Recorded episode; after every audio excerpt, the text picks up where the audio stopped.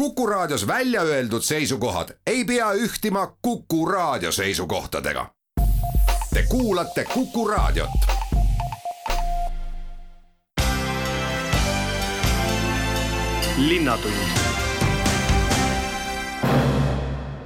tere täna on see neljapäev, mil küsimustele on vastamas Tartu linnapea Urmas Klaas, usutleja on Madi Ligi, alustame kõige värskemast, sellepärast et linnajuht tuli eile õhtul tagasi Riiast, mis selgemaks sai? meil olid kohtumised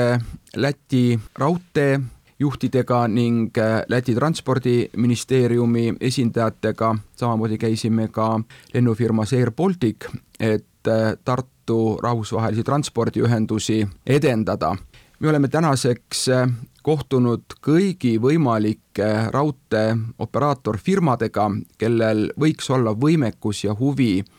Riia Tartu raudteeliini avamisel, ellukutsumisel, käikulaskmisel kaasa rääkida. Leedu raudteeoperaatoriga, Elroniga ning ka Läti raudteega võib öelda, et Läti raudteefirma on kõige kiiremini valmis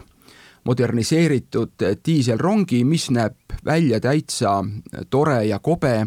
Nad on, nad on, need rongid on kakskümmend aastat tagasi küll Riias ehitatud ja, ja viie aasta eest rekonstrueeritud põhjalikult täitsa kaasaegseteks rongideks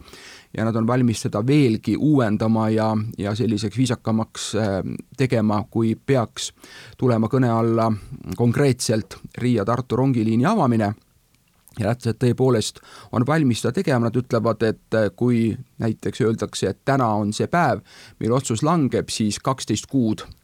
võtab neil aega, et kõik äh, tehnilised üksikasjad, oma rongikoosseisu uuendamine, kõik, kõik ette valmistada, et rong käima panna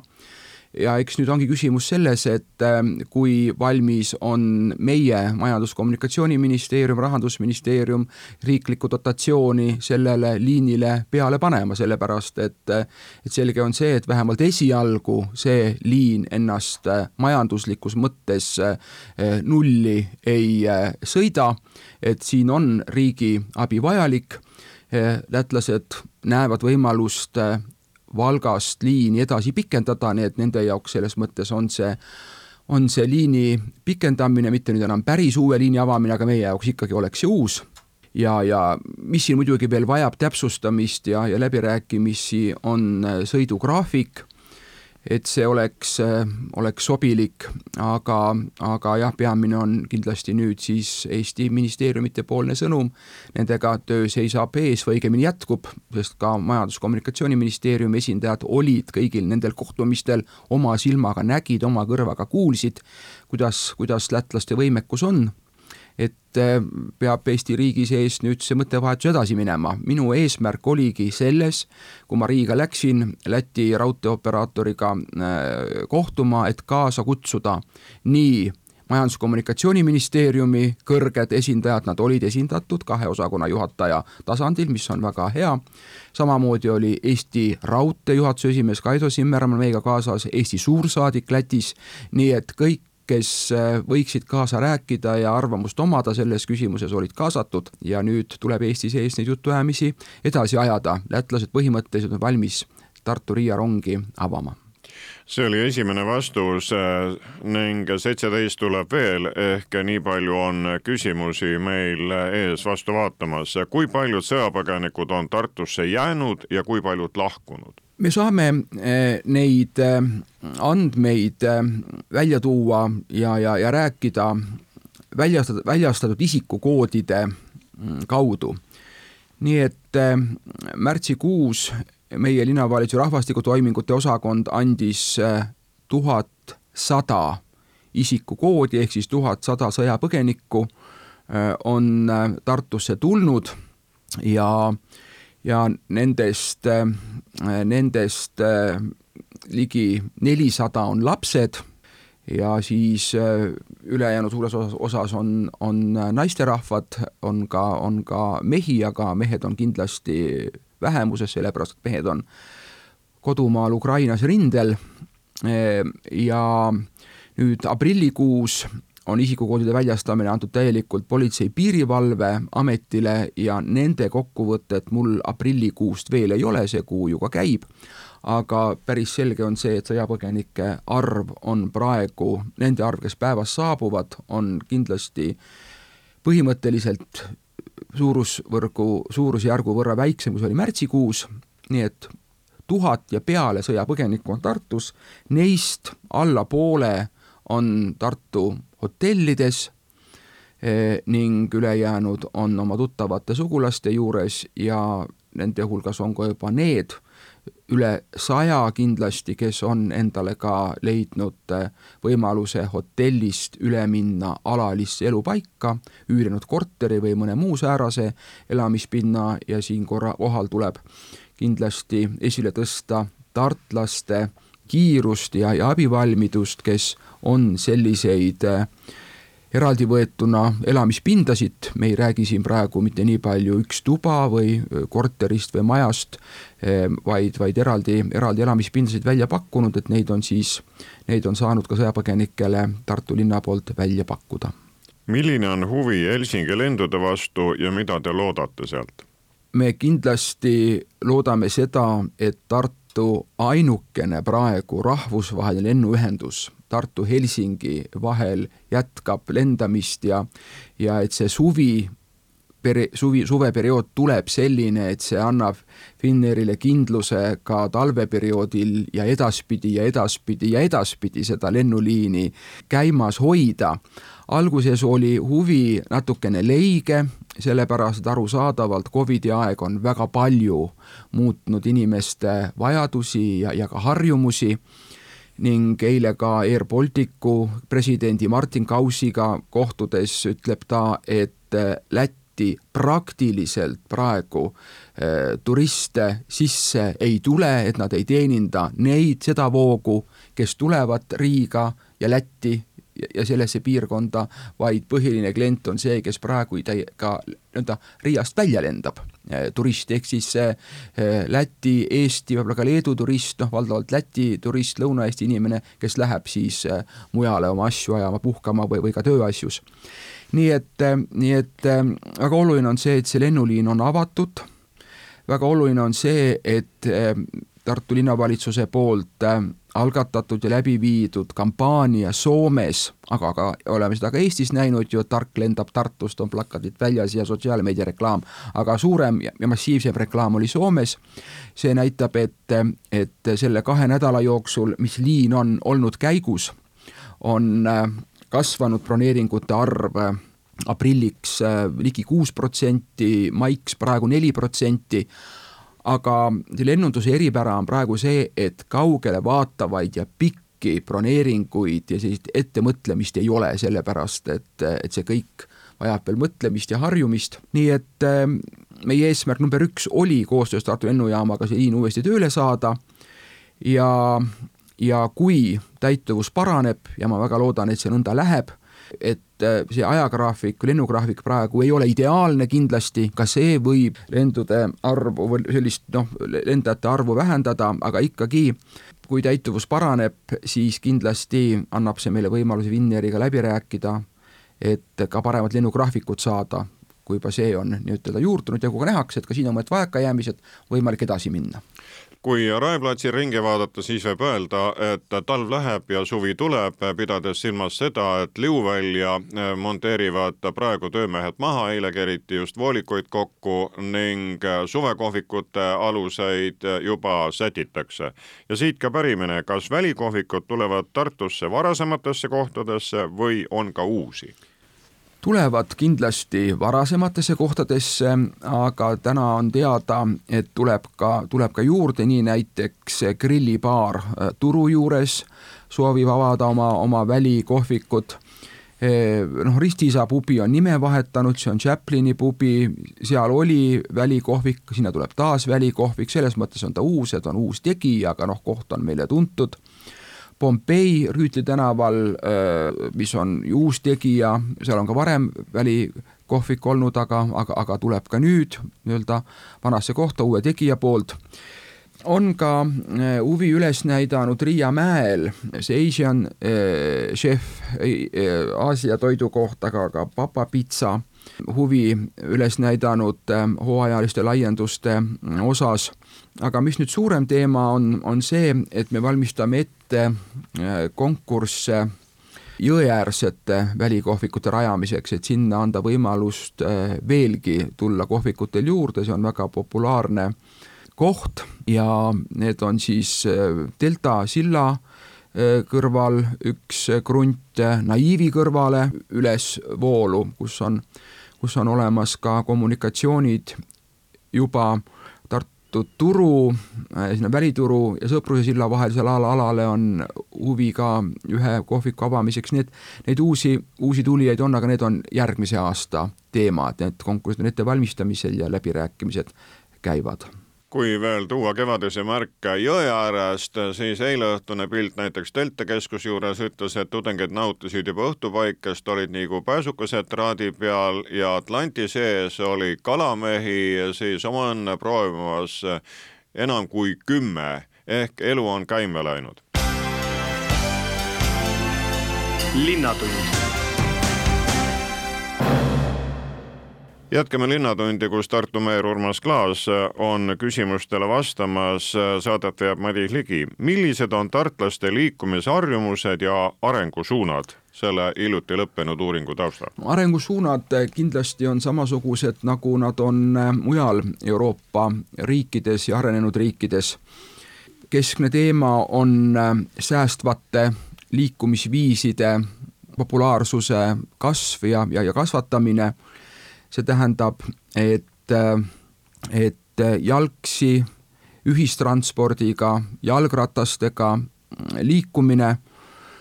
meie jaoks on lähiaja suuremad investeeringud, tegevused kindlasti muust liiklusest eraldatud rattateede võrgustiku edasiarendamine. me näeme ju väga selgelt seda, et eriti kesklinna piirkonnas meie segaliiklusega teedele, kus jalgratturid ja jalakäijad koos liiguvad, ei mahu eh, jalgratturid, jalakäijad turvaliselt eh, enam ära, see teema on olnud eh, päevakorras ja sellepärast on ka meie ülesanne põhimagistraalidele turvaliste rattateede rajamine, et kõigil autojuhtidel, jalakäijatel, jalgratturitel oleks turvaline liikuda ja see põhivõrgustik kätkeb endas Riia maanteed, Turu maanteed, ka Narva maanteed, nii et eh, need tööd kindlasti on meil ees ja milline see mudel võiks olla, kas selline mudel töötab, mida me sellest õpime, mida see mudel meile õpetab, on kindlasti ka eh, selleks suveks planeeritud ajutiste rattateede ehitamine Riia maanteele ja liikluse ümberkorraldused seal. nii et see, mida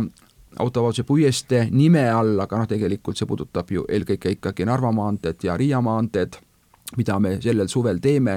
on kindlasti üks väga äh, oluline teema, mida sellest kaasa võtta, kuidas edasi minna, see on väike lõik iseenesest, aga, aga kindlasti saab see olema väga oluline, väga oluline noh, eksperiment, e, et teha suuremaid otsuseid nii et äh, oluline on ka lähiajal liikuvuskeskuste rajamine, me näeme, et autostumist väga palju Tartu linnas toidab pendelränne. Ehk siis äh, linnastunud lähipiirkonnast autoga Tartusse tööle tulemine. Hommikul vara mm, juba kliinikumi ümbruses ja ka teistes paikades algab tänavate täisparkimine ja, ja väga paljud, valdavalt ikkagi väga paljud on need, kes tulevad Tartusse linna sisse äh, autoga. me näeme, kuidas äh, Tähtveres või Tammelinnas elavad tohtrid ja meedikud lähevad jalgsi äh, ja ka jalgrattaga, kui ilm võimaldab kliinikumi tööle, aga kes elavad kaugemal, loomulikult tulevad autoga. Noh, kuivõrd ma ise lähedal seal elan, siis ma seda kõike ka elavalt näen ja sellepärast on planeeritud linna piirile liikuvuskeskuste rajamine, et siis äh, on võimalik jätta nii linnapiirile kui ka oluliste transpordisõlmede juurde, raudteejaam, bussijaam, viisakalt, turvaliselt oma auto ja tulla sealt siis ühistranspordiga, jalgsi või jalgrattaga edasi. aga selge on see, et, et me elame sellises kliimas, et, et Tartusel peab olema võimalik vastavalt vajadusele ja vastavalt olukorrale kasutada kõiki liikumisviise, et kui on ikkagi tarvis inimesel liikuda autoga, peab ta saama autoga liikuda, kui on võimalik ja väga paljud ja üha rohkem hindavad ja kasutavad jalgratta võimalust. jalgsi käimine on Tartus alati väga populaarne olnud, linnakompaktsus võimaldab seda, ühistranspordi kasutatavus samamoodi eh, kasvab, et, et tõesti neid kõiki vastavalt vajadusele ja võimalustele kasutada. Aga, aga suund, kui küsitakse suuna kohta, siis suund on kindlasti säästvate liikumisviiside kasv nüüd kevadise puhastuse juurde, täna lubab vihma, see aitab ka nõnda värskust luua, kuid mis ajaks peab Tartus olema tehtud kevadine puhastus? kõigepealt on äh, meil see kevadine aeg kevadpuhastuse korraldamiseks äh, loomulikult ainuvõimalik aeg ja meie, meie kevadkoristuse lõpetamise kuupäev on kakskümmend viis aprill. aga siin nüüd sõltub sellest, et mida öökülmad teevad, kui on öökülmad, siis me ei saa teha veega puhastamist ja, ja see siis jällegi töid takistab, aga siis miinuskraadid on probleemiks, aga, aga ka seda arvestades olemegi andnud natukene mõne päeva võrra õhku juurde lepingupartnerile ja, ja, ja, ja püüame kahekümne viiendaks aprilliks kevadkoristuse lõpetada. härra linnapea, kas linnaruumi häkaton tuleb? Ja see on väga oodatud, väga populaarne ning häkaton äh, toimub kolmandast viienda juunini Lodja kojas. eesmärk on ellu kutsuda, anda võimalus mõtete, mõtete tekkimiseks ja ajurünnakuteks äh, targa, rohelise ja kestliku Tartu linna lahenduste jaoks saate teise osa lõpetame küsimusega, mis käib äh, suurte majade rekonstrueerimise kohta. mitu suurt kortermaja läheb rekonstrueerimisele ja kui suur on elanike panus? meil on projekt Annelinn pluss, selline kena nimetusega projekt, mille käigus on äh, raha, et toetada, toetada kortermajade ehitamist äh, kahekümne tuhande ruutmeetri netopinna ulatuses, noh, see on üsna keeruline, mis ma ütlen, kakskümmend tuhat ruutmeetrit netopinda, aga see on hinnanguliselt eh, kolm üheksakorruselist eh, kortermaja, nii et kolm suurt üheksakorruselist kortermaja Mõisavahe, Kaunase puiestee ja Nõlvaku tänavatel. ning hetkel on käsil projekti tutvustamine elanikele ja korteriühistutele ning on toimunud õige mitu sellist infoüritust, infokogunemist. märtsis-aprillis toimuvad kohtumised korteriühistute juhatusega, juhatustega, et täpsemalt selgitada, mida ikkagi see ettevõtmine tähendab, millised äh, on äh, valukohad, mida tuleb tähele panna, kui sellist äh, renoveerimist siis algatada. ja juuni lõpuks saavad ühistud esitada soovi selle projektiga liitumiseks ning äh, sellele peab eelnema ühistu üldkoosolek, mis annab juhatusele vastavad volitused ja, ja siis äh, jätkatakse tööd nendega, kes on huvi üles näidanud. linnatund jätkame saadet, laua taga linnajuht Urmas Klaas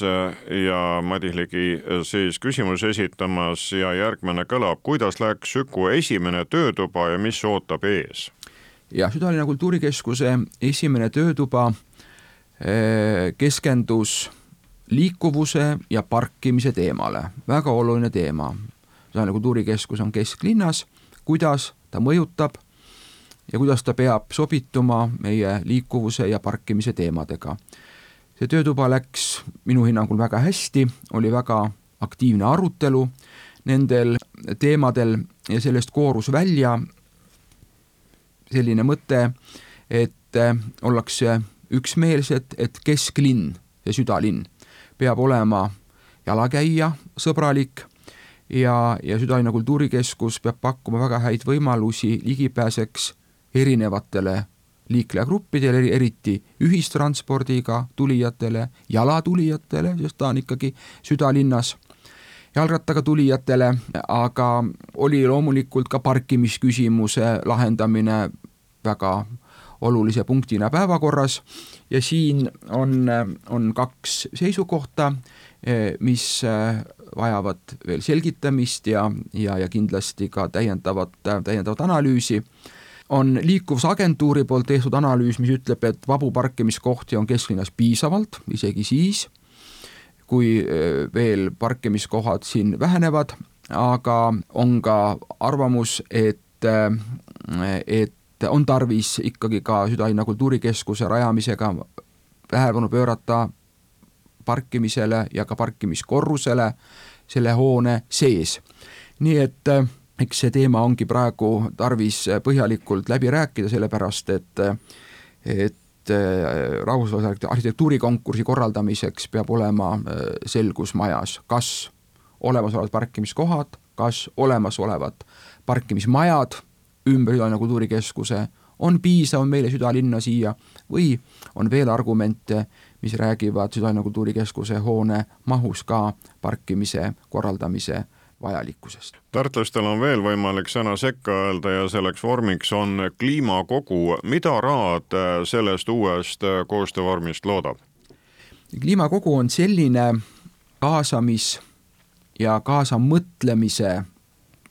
vorm, kus äh, sotsioloogilise, sotsioloogiliste noh, reeglite järgi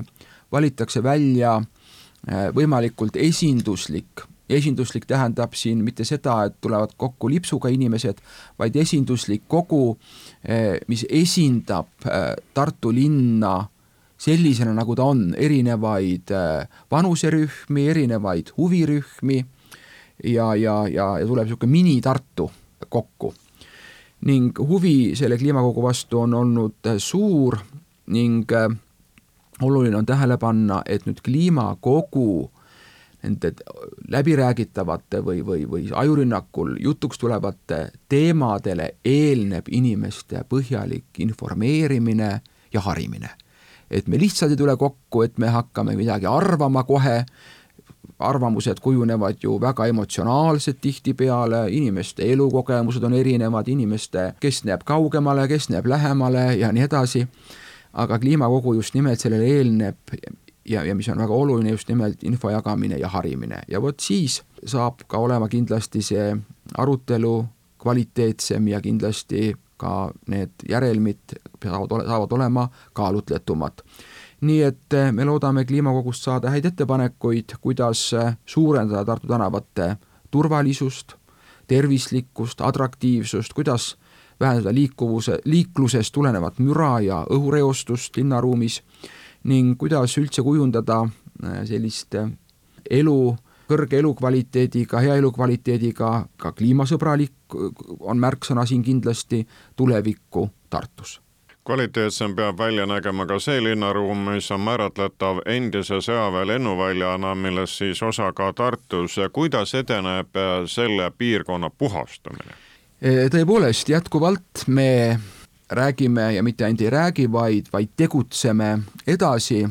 Raadi sõjaväelinnaku Nõukogude armee poolt maha jäetud jääkreostuse puhastamisega, loomulikult need kõige akuutsemad ja kõige keerulisemad olukorrad on juba tükk aega tagasi lahendatud,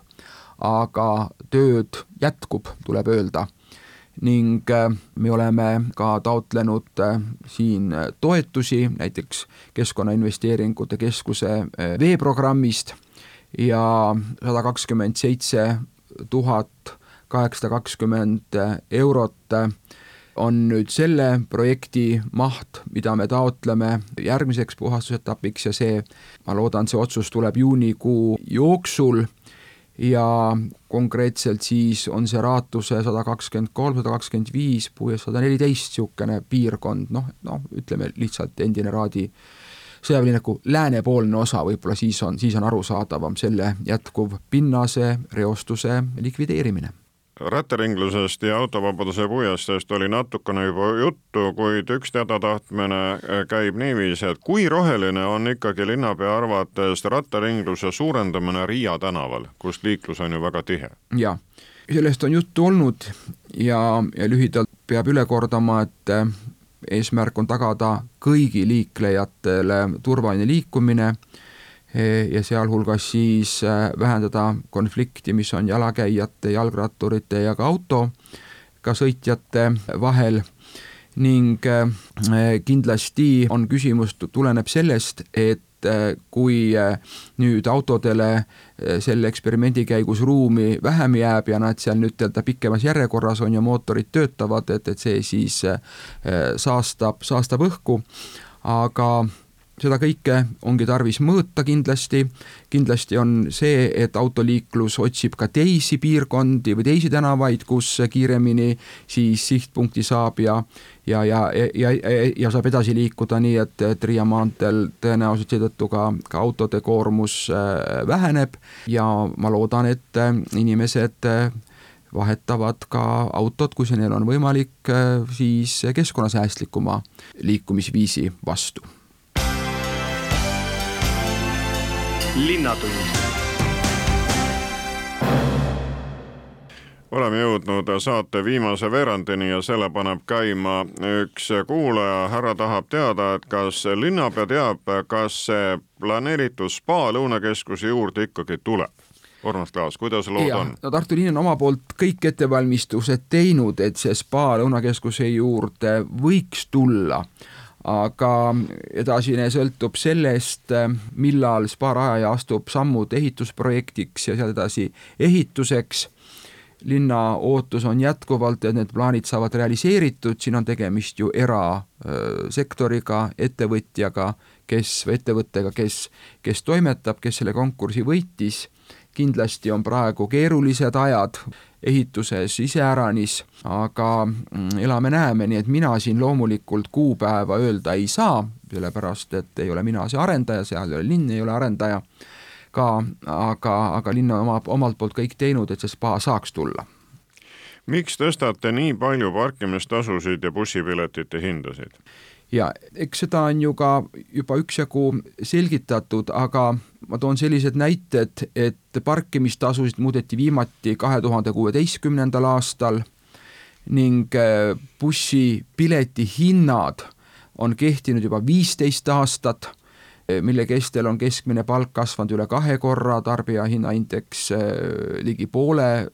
võrra, nelikümmend neli koma viis protsenti, et kui muutuvad sisendid, kui bussipiletite puhul gaasi hind, bussijuhtide töötasu, need tõusevad, siis on arusaadav, et ju ka liinikilomeetri hind tõuseb. Ja oluline on see, et,